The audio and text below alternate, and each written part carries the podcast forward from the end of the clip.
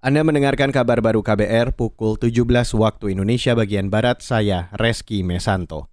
Saudara pemerintah berencana menaikkan tarif dasar listrik atau TDL bagi pelanggan golongan 3000 volt ampere atau VA ke atas. Menteri Keuangan Sri Mulyani mengatakan rencana ini sudah mendapatkan restu dari Presiden Joko Widodo. Sri Mulyani mengatakan keputusan itu diambil bersamaan dengan ditingkatkannya anggaran subsidi kompensasi mencapai 350 triliun rupiah. Keputusan-keputusan tersebut diambil untuk menjaga daya beli masyarakat di tengah lonjakan harga komoditas global saat ini. Menteri Keuangan mengatakan kenaikan listrik golongan 3000 volt ampere ke atas bukan hanya untuk menutupi defisit pelanggan PT PLN yang tarif listriknya tidak dinaikkan.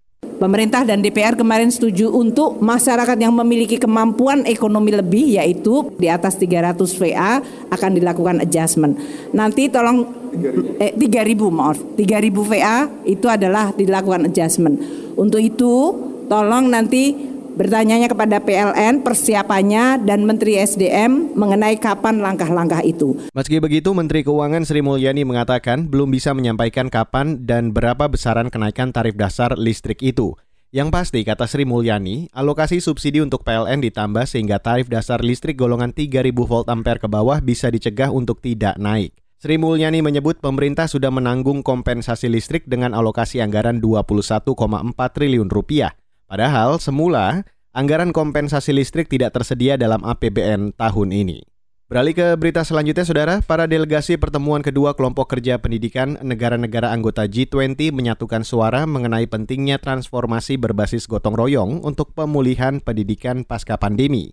Ketua pertemuan Iwan Syahril mengatakan, dari delegasi Indonesia diwakili Menteri Pendidikan Nadiem Anwar Makarim yang memaparkan prioritas memulihkan pembelajaran di Indonesia pasca pandemi. Di pertemuan kedua ini, Mas Menteri hadir secara langsung dan menyampaikan prioritas eh, dari Kemendikbudristek dalam pemulihan pembelajaran pendidikan di Indonesia yang selaras dengan empat agenda dari Education Working Group G20, yaitu pendidikan berkualitas untuk semua, teknologi uh, digital untuk pendidikan, solidaritas dan kemitraan, serta masa depan dunia, uh, dunia kerja pasca COVID-19.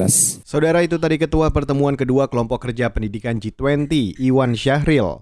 Dalam pertemuan itu, kata Iwan, Menteri Pendidikan Nadiem Makarim juga memaparkan terobosan-terobosan program Merdeka Belajar sebagai contoh praktik baik yang menjadi tonggak gotong royong transformasi pendidikan di Indonesia, sekaligus sebagai dasar agenda prioritas bidang pendidikan G20. Pertemuan kedua kelompok kerja pendidikan G20 berlangsung secara daring selama dua hari di Bandung, Jawa Barat.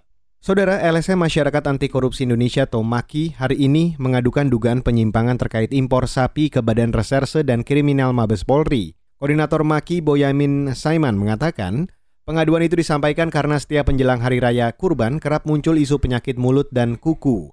Kondisi demikian menurutnya menjadi indikasi adanya penyimpangan soal izin impor sapi. Boyamin menambahkan Maki juga melaporkan soal program inseminasi atau penyuburan sapi. Berdasarkan temuan Maki di Blora, Jawa Tengah, seharusnya program inseminasi sapi digelar secara gratis, tapi faktanya para peternak diminta membayar. Maki juga melaporkan program penggemukan sapi, terutama di Jawa Timur. Di daerah ini diduga ada penyimpangan anggaran terkait program tersebut. Dan saudara, demikian kabar baru saya Reski Mesanto.